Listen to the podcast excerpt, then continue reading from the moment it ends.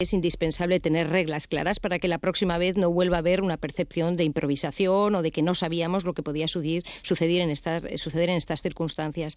Y creo que también es unánimemente aceptado que este avance hacia la unión bancaria es un proyecto prioritario y urgente de la Unión Europea.